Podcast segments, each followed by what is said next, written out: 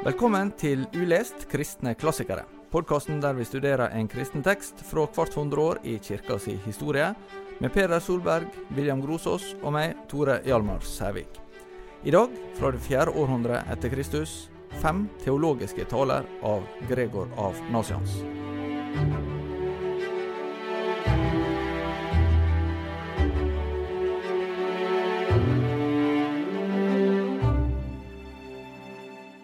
Peder, hvorfor har vi valgt akkurat denne teksten fra det som vi vel må kunne si er et av de mest metta århundrene i kirkas historie? Hvis du eh, går til kirken en søndag formiddag, eh, så vil eh, du på et eller annet tidspunkt i gudstjenesten, vanlig gudstjeneste, så vil du fremsi trosbekjennelsen. Jeg tror på Gud Fader, osv. Av og til så bruker vi den nikenske trosbekjennelsen.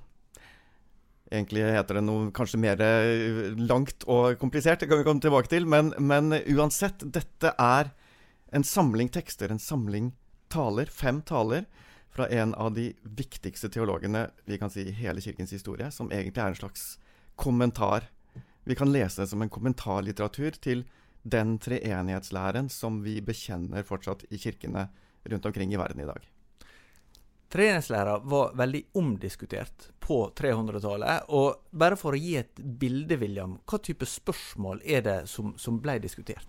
Det som står på spill, er hvem er Jesus? Og vi kan eh, være glade for at treenighetslæren er på en måte etablert, sånn at vi bekjenner denne troen over hele verden.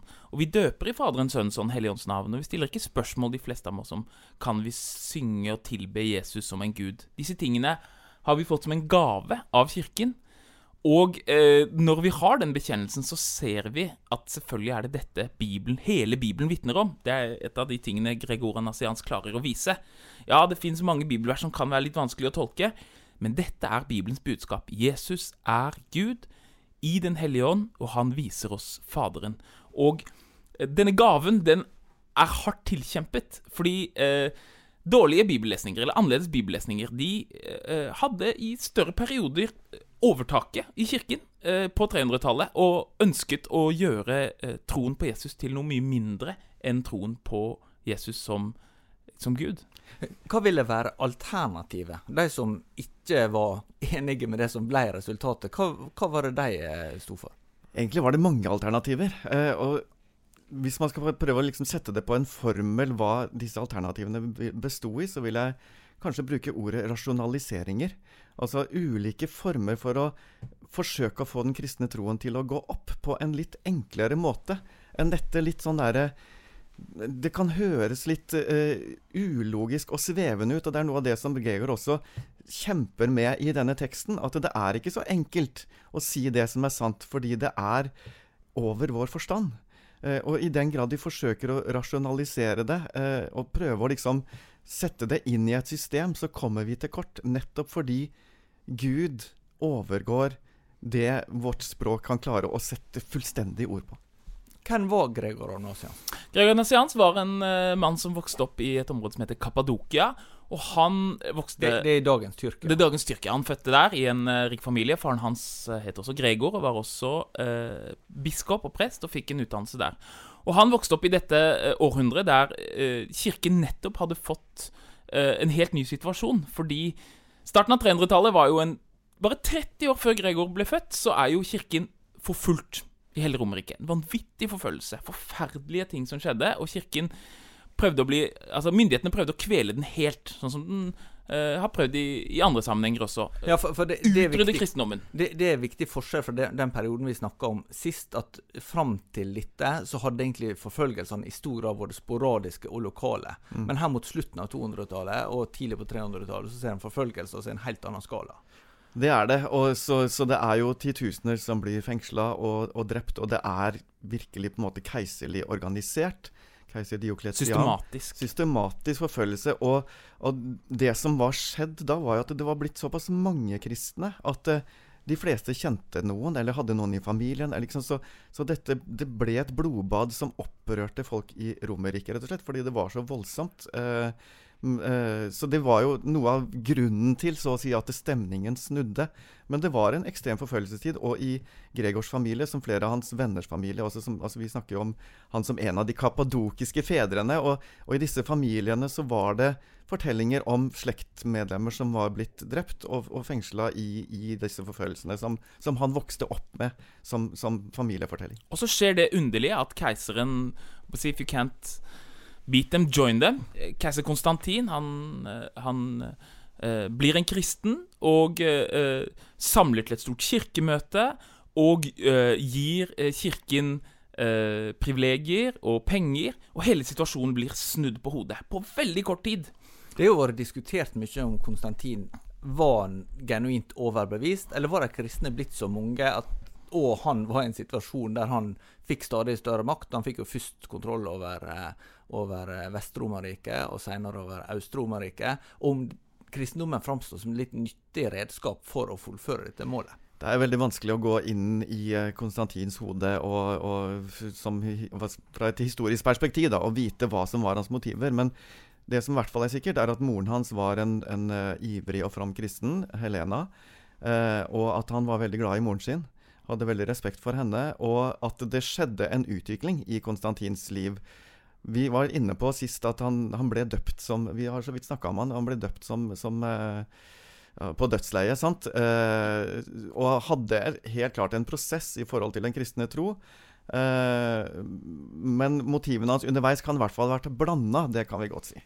Men det gjør jo at Kirken da får en helt annen situasjon i samfunnet. Og at uh, makt blir en, uh, et, en, problemstilling. Og med makt så følges også ambisjon.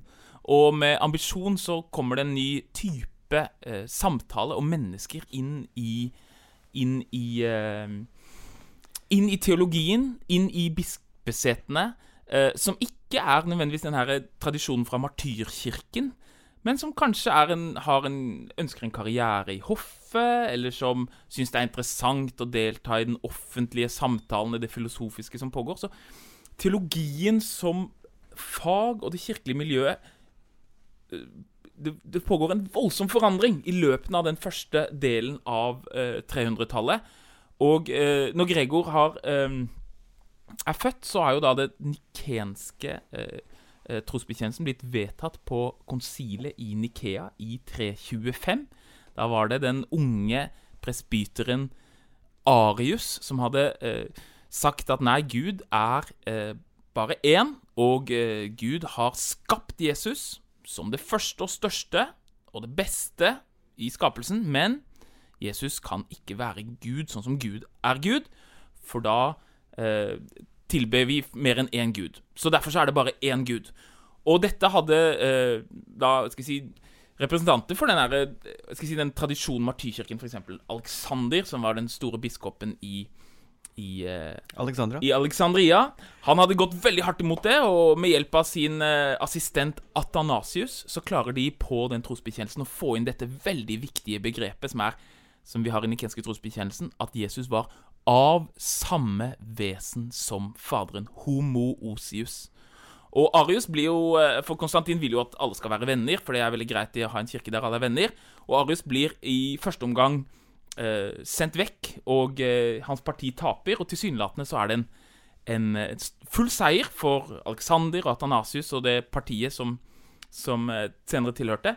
Men eh, så enkelt var det ikke.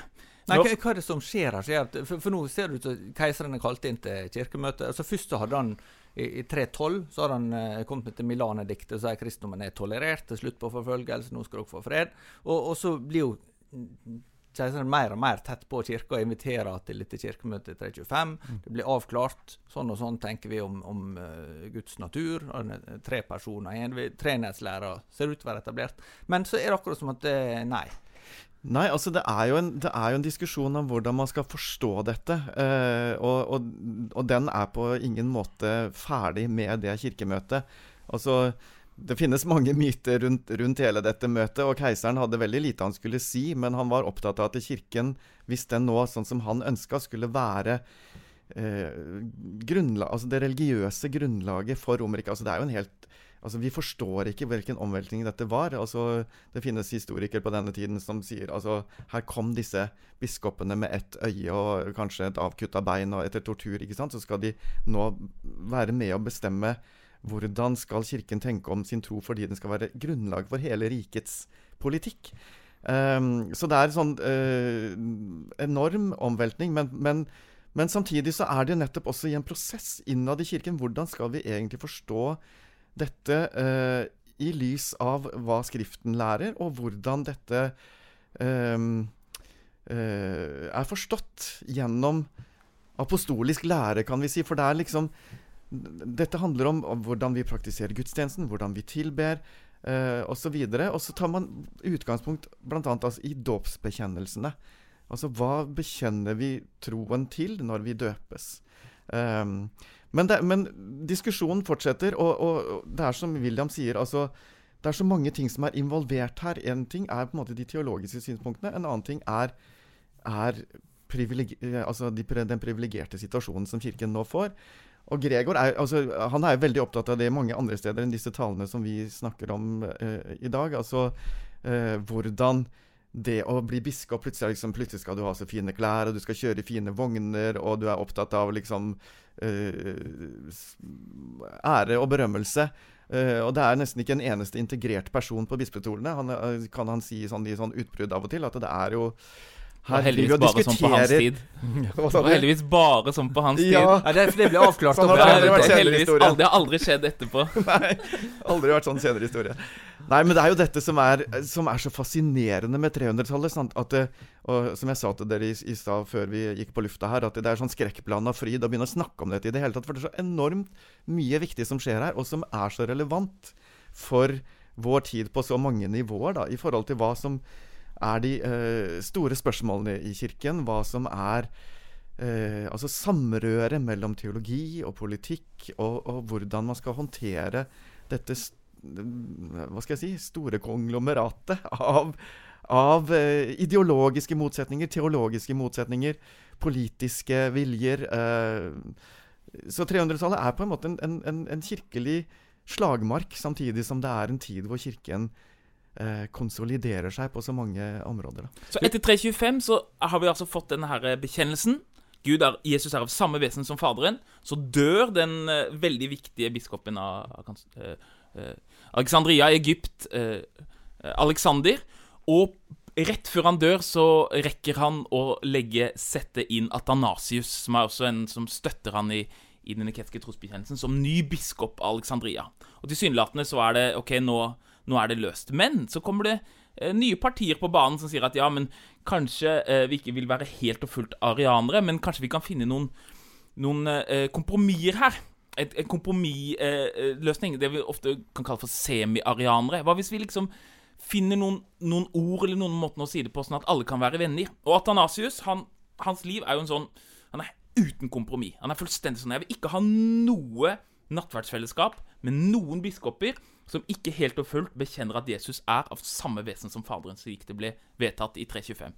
Så uh, Athanasius, han, han som på en måte har røtter i denne martyrkirken, han blir jo da uh, Det er ikke sånn at liksom etter 325 så er det løst, fordi det kommer nye keisere. Noen som liker semiarianisme, noen som liker uh, arianere, og til og med en keiser som vi skal snakke om etterpå, som, som ikke ville ha kristendom i det hele tatt.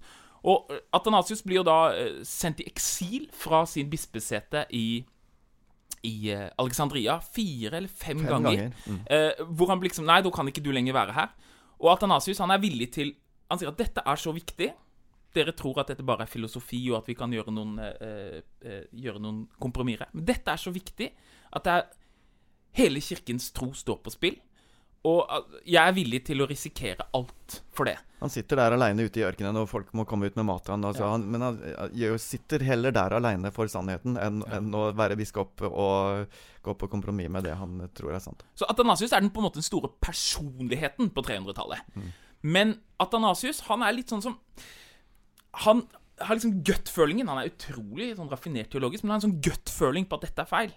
Men i løpet av sin teologiske karriere så klarer ikke han på samme måte som generasjonen etter han å etablere et språk for hvordan vi skal snakke om dette, som måtte lande diskusjonen. Jeg, jeg liksom fikk en, et bilde på dette ikke sant? i kirken i vår tid. Den er helt splittet av veldig kompliserte spørsmål om f.eks. ekteskapet. Ikke sant? Over hele verden. Alle kirkene strever med dette. Vi snakker om det, leser om dette i avisen hver eneste dag.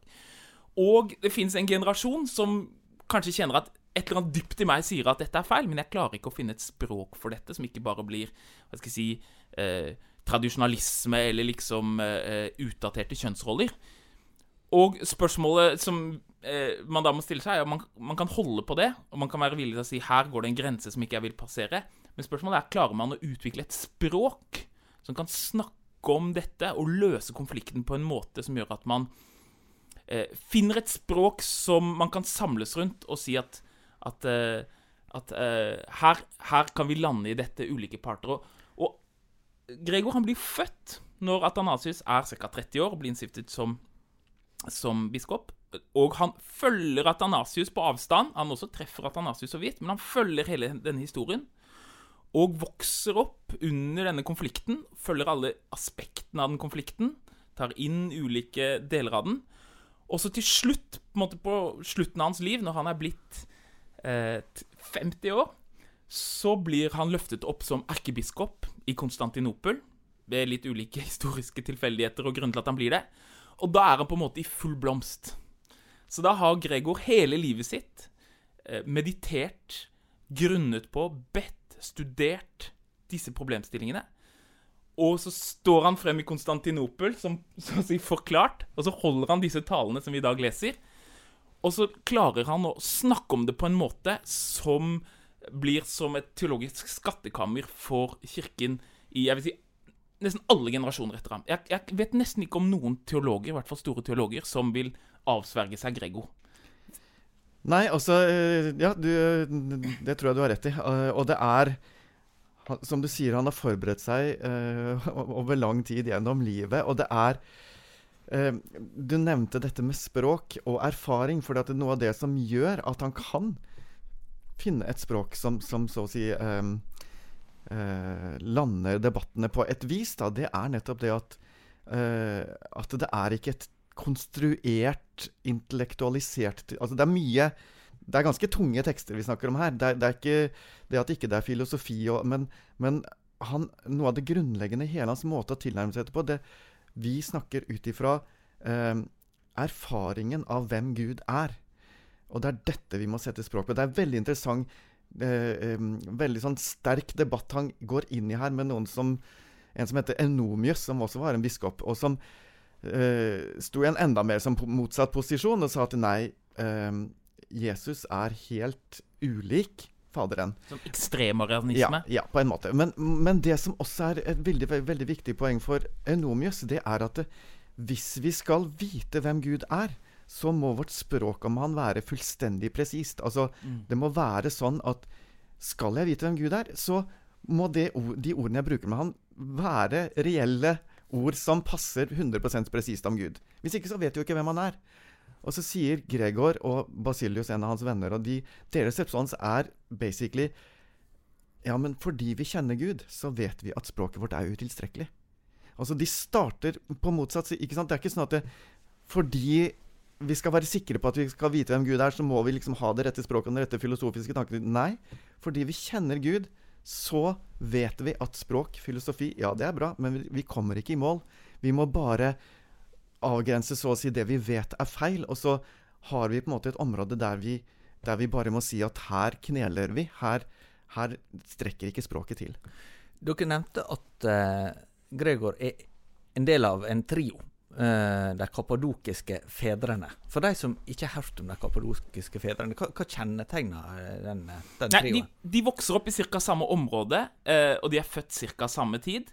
Uh, altså på slutten av 20-tallet, 1320-tallet. Så vokser de opp da i Tyrkia, og så uh, Det er på en måte to familier. Du har Gregor, som er prestesønn, og så har du Basilius og den andre Gregor.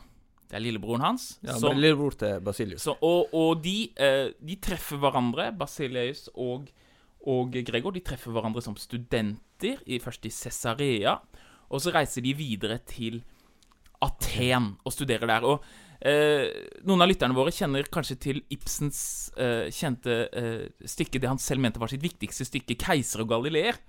og, og, som han skrev mellom eh, Brann og Peer Og, og, der er jo eh, Ibsen blitt veldig inspirert av dette. Tenk på disse historiske menneskene. Basileios og Gregor, som kommer til Aten og studerer der. For hvem traff de i Aten? De traff nevøen til keiseren, Julian.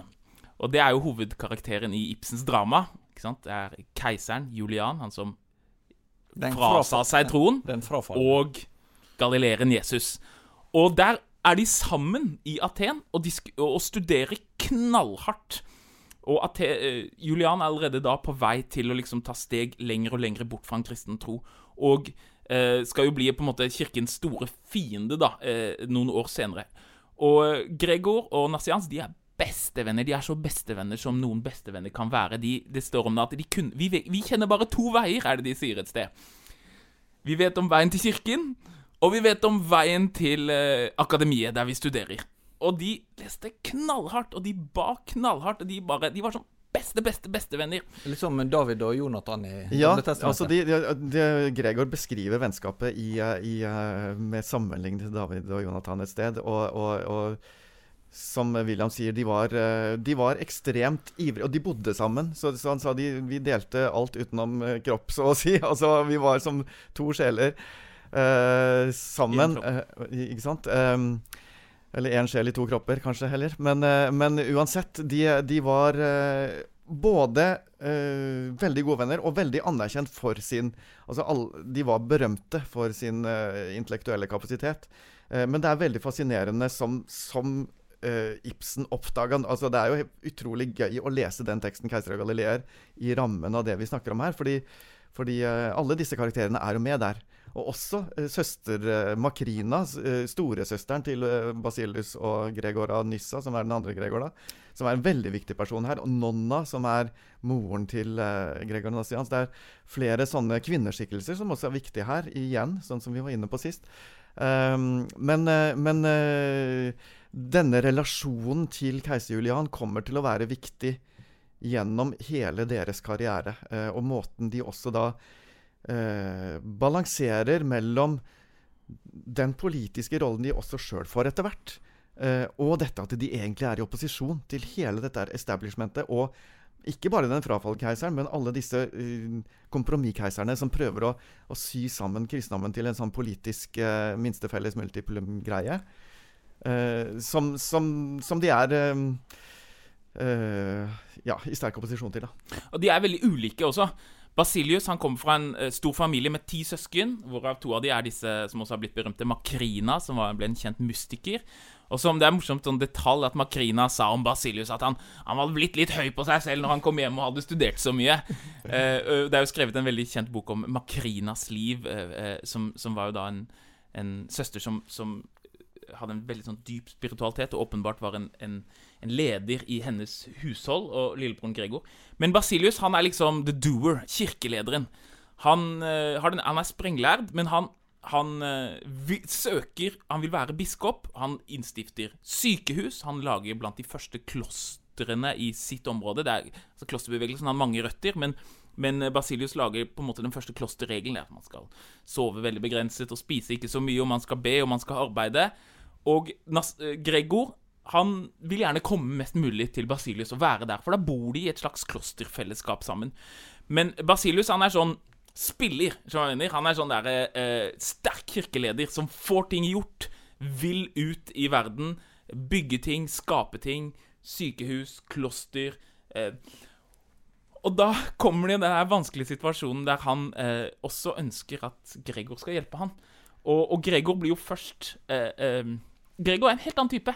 Han vil gjerne lese, han vil ha stillhet, han elsker poesi.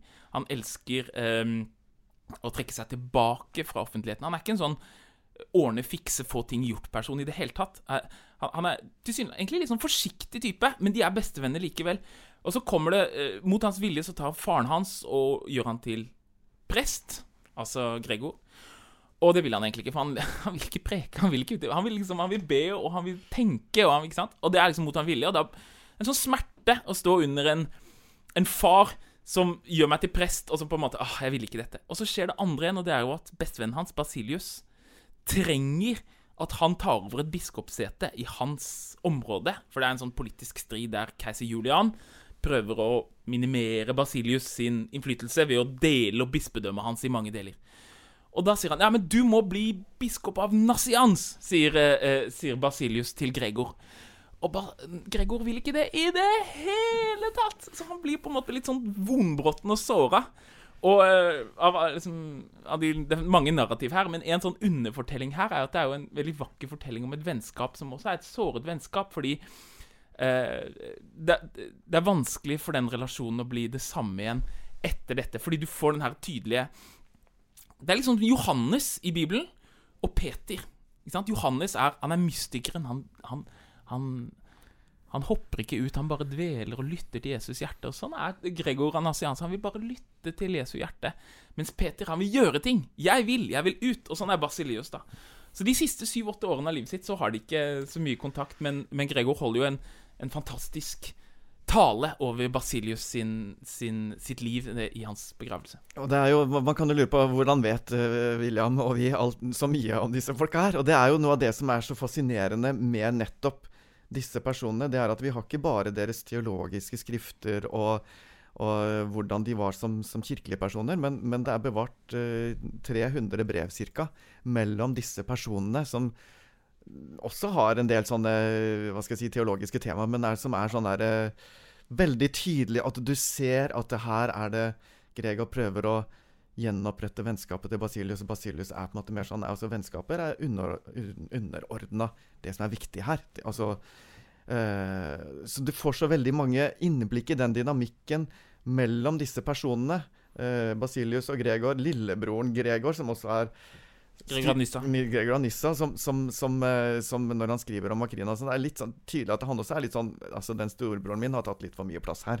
men han er en utrolig person, og det er Gregor Nassianso. Men de er ja. forskjellige. Men ja. sammen så sier man gjerne at disse såkalte kappadokierne, de sammen, de de elsker jo Origenes, selv om de kan se svakheten i Origenes teologi. Så elsker de Origenes. De, som vi var inne på sist, sant? Som vi var inne på sist, ja. Og de, de, de, klarer å finne ressurser til å eh, snakke om treenighetsteologien på en måte som, uh, som uh, Kirken kan uh, bære med seg som en skatt. Så nevner dere at dette her kirkemøtet i Nikea det løser ikke alle disse problemene. Altså spenningene består, men det kommer en ny krise, kan en si, med, med keiser Julian eh, som da blir kalt apostaten, eller den, den frafalne. Ja. Ja, hva, hva, er det som skjer? Kan vi ta kort riss hvordan han blir keiser? Altså, altså eh, Julian vokser jo opp eh, uh, altså, som nevø da, av keiser Konstantius, som igjen var altså, sønn av Konstantin. Så, og lever nettopp i dette Han vokser opp i Altså når hoffet, Alle de viktige personene ved hoffet er kristne, men de er også karrierefolk.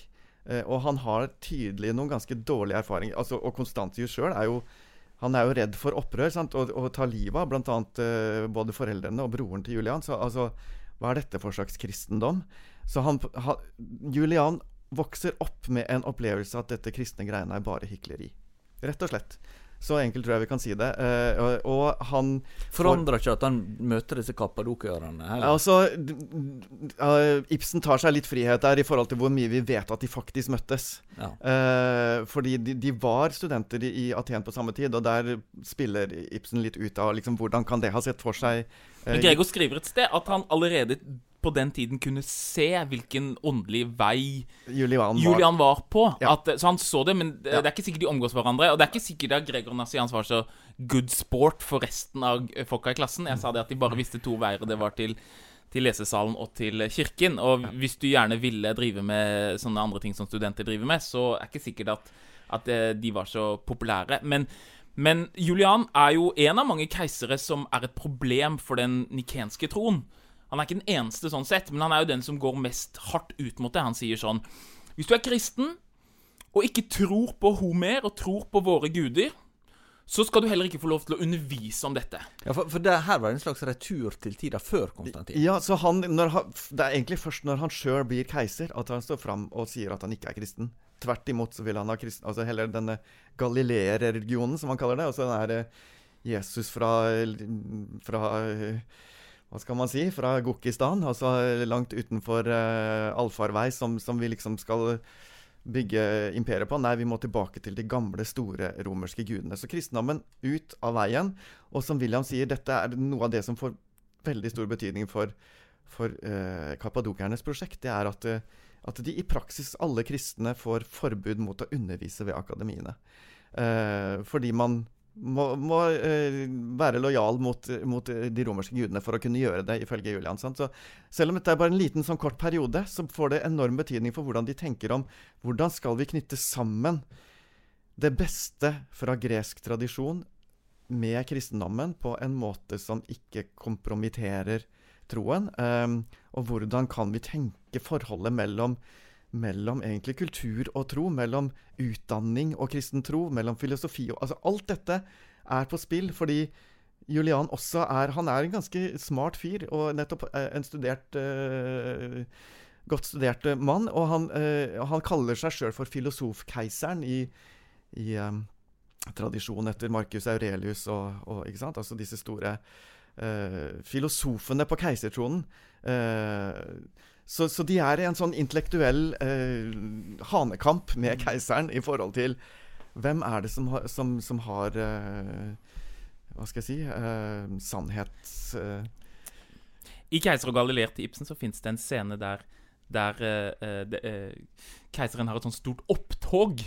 Et sånn opptog der de skal slutte å dyrke liksom martyriet og lidelse og død og sånne ting. Det er sånn opptog med, om dekadense og seksuell frihet, og, og, eh, og, det er liksom vinguden, og det er alt mulig sånn, da. Og så kommer de der, og så liksom har de tatt over hele gata, og det er liksom halvnakne damer, og det er liksom eh, eh alt mulig greier på on display. Og som en tilfeldighet, da, så er det liksom noen I Ibsens fint oppsatte eh, struktur, så er det satt opp, da, så kommer det da liksom et en gruppe martyrer som er liksom blitt arrestert, og som klager, og som roper, og som ser skitne og liksom sånne ting. Og så er det den her konfrontasjonen da, som Ibsen liksom får frem mellom to livssyn. Og Ibsen er jo en stor eh, dikter, så det er liksom Det fins en ambivalens der. Det er ikke sånn at 'Å, dette er bare bra, og dette er ikke bra'. Men det er klart at, at um, for Julian så, han, Litt sånn som du kan finne senere f.eks. hos Nietzsche, så så han kristendommen som på en måte som livsfiendtlig, som verdensfiendtlig. Og han ville heller dyrke eh, nytelsen og gleden og festen. Og eh, styrken. Eh, ja, og, og styrken. Ja. Ja. Og skal være veldig forsiktig hva jeg sier, men, men uh, det hender jo at det er uh, festivaler som kan være i gata i, uh, i vår tid også, som, som, får meg til å minne om Ibsens beskrivelse av Julians opptog. Hva skjer med Julian? Altså, han reiser på et felttog mot øst, mot perserne. Altså, Romerne er jo stadig i konflikt med perserne. Og det ender med at uh, han blir drept der, på dette felttoget. Så han er keiser bare i et par uh, drøyt to år. Uh, så det er en kort periode vi snakker om her. men så han dør som en ganske ung mann, og så blir jo det da et skifte igjen. For da så Vi får tilbake keisere som, som vil ha kristendommen, som, som som eh, imperiets religion igjen. Men fortsatt så står disse diskusjonene der, hvordan, hvilken type kristendom da, og hvor, hvilken forståelse av treenigheten. Så, så, disse kappadokerne kom jo på kant med flere av de senere keiserne også. Bl.a. keiser Valens, som, som på slutten av 60-tallet der. som som eh, Altså, dette sier noe om, om, om situasjonen der. Altså, eh, Valens kall, innkaller til et kirkemøte på en båt uh, ute på, på Svartehavet. Uh, eller på flere skip, er det vel egentlig, men i hvert fall så samler han da alle de som er uh, som han klarer, som er for den nikenske trosbekjennelsen. Og av en eller annen merkelig grunn så, så tar disse båtene fyr, og alle brenner og synger. Altså 80, 80, og noen nikenske biskoper dør der. Uh, ikke sant? Så dette sier noe om at det er ikke bare måte, denne keiser Julian som er imot kristendommen som de har, men det er keisere som som ikke er noe glad i de kompromissløse nikenske teologene. Da, det, det, er ikke noe nytt at myndighetene har hatt en viss interesse av å på, påvirke kirkelige ledere. Det er ikke det. Og, og, eh, ikke sant, på Atanasius var jo da liksom den store helten for dette. ikke sant? For det kom jo en gruppe Det her var jo før igjen, som ville Ja, men homosius, dette, av samme vesen. Hva hvis vi finner noe som er nesten nøyaktig det samme, bare vi putter inn en bitte liten bitte liten bokstav som er i? Vi sier homoiosius. Er ikke det det samme, for da blir det bare språklig lik Faderen. Lik Faderen. Ikke av samme vesen, men lik. Ja, men Kan vi ikke da være venner? Kan vi ikke samles om det? Og så er det noen som mener dette, noen som mener dette. Og Ana- Athanasius er bare sånn Nei, ikke det hele tatt. Ikke litt engang. Og, eh, og vi ville nok, når vi ser liksom livsstilen deres, hvor hardt de fasta, hvor, hvordan de liksom gikk hardt De, de levde liv der de eh, hadde eh, satset alt på det, det kommende livet, kan man si det sånn. Så eh, ville vi liksom Oi, det her er det er ikke så enkelt at vi, hvis liksom Athanasius hadde gått i gata og så, så hadde vi liksom sagt liksom, that's my man. For det, det, er, eh, det er en sånn kompromissløshet som vi kan finne hos Basilius, som vi kan finne hos Athanasius, og i noen grad også Gregor. Gregor er litt mer sånn eh, kanskje mildere i kantene. Eh, men som Kirken i etterkant kan si De sto der, og de, de, de, eh, de la et grunnlag som vi, som vi, kan, eh, vi kan hvile på. Eh, når eh, vi nærmer oss nå slutten på, på 300-tallet, så er vi på vei inn til at eh, kristendommen blir ikke bare tillatt religion, etablert religion, og sånn, men, men det blir jo statsreligion. Andre religioner blir mer og mer eh, forbudt. Og Selv med Theodosius den store som ble, ble keiser rundt 380, ikke det? Mm. Eh, hvordan tenker disse lederne om, om dette? Er det sånn at de syns det er en ønska utvikling? Altså, Det er også en komplisert uh, historie. Uh, altså, Vi ser det litt sånn fra vår tids perspektiv. Altså, Fortsatt så er det jo sånn at kanskje halvparten av, av uh, imperiets innbyggere tilhørte andre religiøse sammenhenger. Så så ja, forbudt, men i hvert fall ikke, ikke lovbeskytta, vil jeg si. Altså, fortsatt så Hvis man ser på arkeologiske utgaver, liksom, så er det altså Og det bygges både synagoger, jødiske synagoger, det bygges eh, templer til andre guder fortsatt etter at det så, situasjonen er ikke så komplisert. Men, men du kan si det er en sånn eh, Situasjonen er ikke så enkel, skulle jeg si. Men det er en sånn um, greie som skjer etter Julian, at de fleste kristne også er enige om, og, og, og keiserne er enige med hverandre om at uh, vi kan ikke ha det sånn at imperiet bytter hele tiden. Altså, vi må ha en, et grunnlag for styre som skaper stabilitet i samfunnet. Uh, og at det der vil man også i stor grad på en måte da selvfølgelig støtte keiseren i at det, det bør heller være kristendommen enn noe annet. Um, så, så, så det er en sånn Det er et slags uh, fornuftsekteskap, kan man si, mellom teologene og, og, og, og, styresmaktene i forhold til at ja, man, man ser, som Gregor gjorde, at privilegier, privilegier til kirken er et problem, for du får masse korrupte og dårlige biskoper. Men alternativet er også verre, som Julian representerte. sant? Disse talene til Gregor som vi her eh, snakker om, de holder han mens han er erkebiskop 379 til 381. Stemmer ikke det, Peder? Og så holdes jo da det kirkemøtet i Konstantinopel i 381. Og det var derfor Peder sa at ja, vi bekjenner ikke bare den nikenske trosbekjennelsen, vi bekjenner den nikensk-konstantinopolitanske trosbekjennelsen. Fordi det er den Jeg pleier å si til studentene mine at det er det vanskeligste ordet dere skal lære Ja. når jeg har det med kirkehistorie. Og det, eh, og det er fordi at den nikenske trosbekjennelsen ikke sier nok om ånden. Hvem er ånden? Og Det er jo noe som Basilius skriver veldig viktige tekster om, og Gregor også skriver veldig viktige tekster om, og som får gjennomslag. Så 381 er jo Det er masse konsiler. Det er ikke sånn at å, det var de eneste konsilene på 300-tallet. Det er konsiler hele tiden, og noen av keiserne har altfor mange konsiler, og det er litt av deres problem.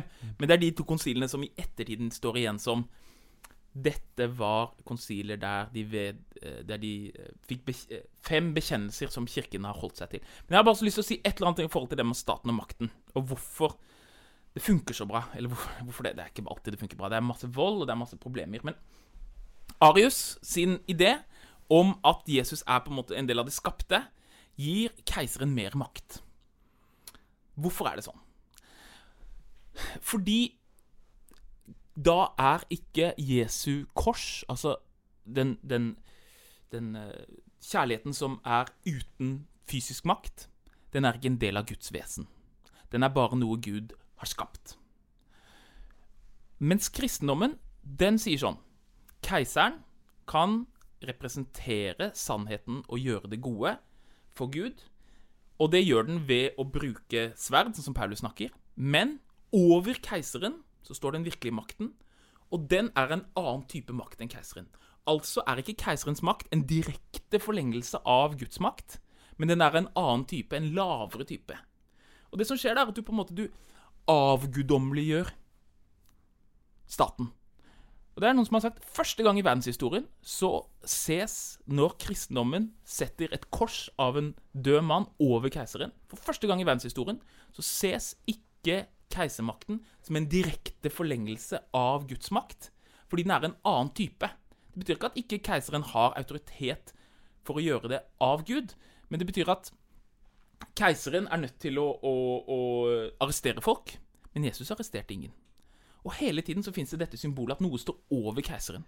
Og derfor er det, Når du tar bort det, det, det religiøse på en måte overbygningen, at ikke det fins noe som den politiske makten refererer til og står ansvarlig under, så blir ikke staten sekulær. Det så vi f.eks. med marxisme. Da blir staten igjen guddommelig. Fordi det absolutte er eh, Staten er en, en, et, en, representant for det absolutte i virkeligheten. Men det er det ikke for Konstantin. Konstantin Og det ser vi også med at han, han ikke vil døpe seg før han blir Lar seg døpe. Lar seg døpe ja. før, han, før, han, eh, før, han, dør. Fordi han skjønner det at Sånn som jeg holder på, det er ikke eh, Det er kanskje et nødvendig onde for å ha stabilisert i, i samfunnet, men det er ikke sånn Gud virker. For Gud virker ved avmakt. Men det er noe det er, det er veldig viktig det du sier her, William, som, en, som, et eksempel på hvordan disse tingene, tingene, henger sammen. Og det er det som er så viktig med å forstå 300-tallet. Det er denne forståelsen av sammenhengen mellom det som vi kan tenke liksom Ja, er det noe så viktig med akkurat hvilket språk vi bruker for treningslæren? Ja, ikke sant? Men, men, her er det så mye som henger sammen i hvordan, hvordan, hvilke konsekvenser får dette for hvordan vi praktiserer ikke bare vår tro, men praktiserer livet i, eh, på så utrolig mange områder. Eh, og det er litt fascinerende nettopp med det som du sier, fordi den, den store biskop eh, Det er mange navn vi har vært innom her, så det blir sikkert forvirrende, men eh, Eusebius, som skrev biografien om Konstantin, han går litt sånn i retning Ikke helt i Arius, eh, men han har en litt tendens i den retningen og beskriver Konstantin nærmest som en Jesusskikkelse, som en Messias. Mm. Og, og Konstantins sønner går litt tilbake til Altså, Vi vil ha denne absolutismemakten. Ja. Det er jo ganske påfallende hvis du er i Roma og ser denne her, eh, resten av en Konstantin-statuen med det hodet ja. som eh, hovedet mm -hmm. på nynorsk, eller hodet på, på bokmål. Vi skjønner hva du mener. Men eh, det er jo så gedigent. Ja. Eh, og, og det, det, gir jo litt sånn eh, assosiasjoner til en verdenshersker, ikke sant? I, i mer enn bare en politisk forstand.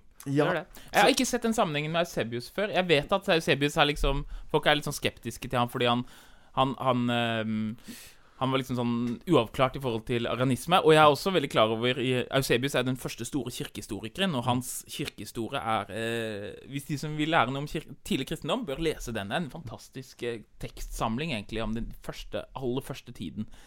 Men i slutten der så går han, som Peder sier, veldig langt i å løfte Konstantin opp til noe som kristendommen aldri kan gi den politiske makten å være. Mm. Og jeg har aldri hørt før det at det kan finnes en sammenheng mellom hans aranisme og hans eh, Konstantindyrkning. Jeg har sett det som to, liksom, to forskjellige problemer som eh, Eusebius har. Men teologien vet at ting henger alltid sammen. Hva du sier om Gud, vil påvirke hvordan du forholder deg til staten, hvordan du forholder deg til din egen kropp, hvordan du forholder deg til fornuften, hvordan du forholder deg til de fattige, hvordan du forholder deg til eh, døden, hvordan du forholder Alt henger sammen med det. Altså Derfor er kristologien, treenighetslære, det er ikke én del av teologien. Det er hele teologien. Og Derfor så er ikke dette her, eh, sånn som jeg forstår bare ordkløyveri heller. For en del kan jo tenke at det, dette her er liksom eh, er sånne her kranglefanter som liker å sette tak hverandre i, formelle feil. på en måte, Og, de fleste forstår ikke hva de snakker om. Ta bort en setning, og så forandrer du eh, alle kirkene i Europa. Det liksom, ta bort en setning, så forandrer du gudstjenestene og hva frelsen er. Ta bort eh, et ord, så forandrer du den politiske dynamikken i Europa. Så, så alt står på spill. Um, og Derfor så er teologien ikke et, et låst system, men det er en sånn balanse der det er liksom OK eh, det skal eh, Den kristne troen som vi har fått av apostlene, den skal bevares. Og språkets oppgave er ikke å uttømmende forstå den og forklare den, som Peder har vært inne på, men å beskytte den. Ikke sant, så Når du sa ta, ta bort en setning så, og, eller et ord, så, var du, så er det trosbekjennelsen vi snakker om her. Ja. Og, det, og den, er jo, den er jo veldig kort. Altså Det er en oppsummering av hva de kristne tror, som er orientert om akkurat dette. Hva kan vi si om Gud, sånn at vi sier nok, men samtidig med en bevissthet om at her er det først og fremst snakk om å sette grenser for hva vi ikke kan si, eh, mer enn at dette er noe utfyllende om hvordan vi forstår eh, Altså, det er så langt vi kan uh, strekke språket på en veldig oppsummerende måte, og, og der må vi være presise, fordi det har konsekvenser for alt annet.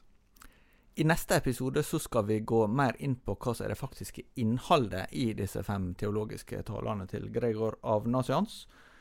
Du har lytta til en episode av Ulest, en teologipodkast fra NLA-høgskolen og avisa Dagen. Om du har innspill eller tilbakemelding, eller teologiske spørsmål som du vil vi skal diskutere i podkasten, så vil vi gjerne høre fra deg. Da kan du sende en e-post til tore.krøllalfa.dagen.no.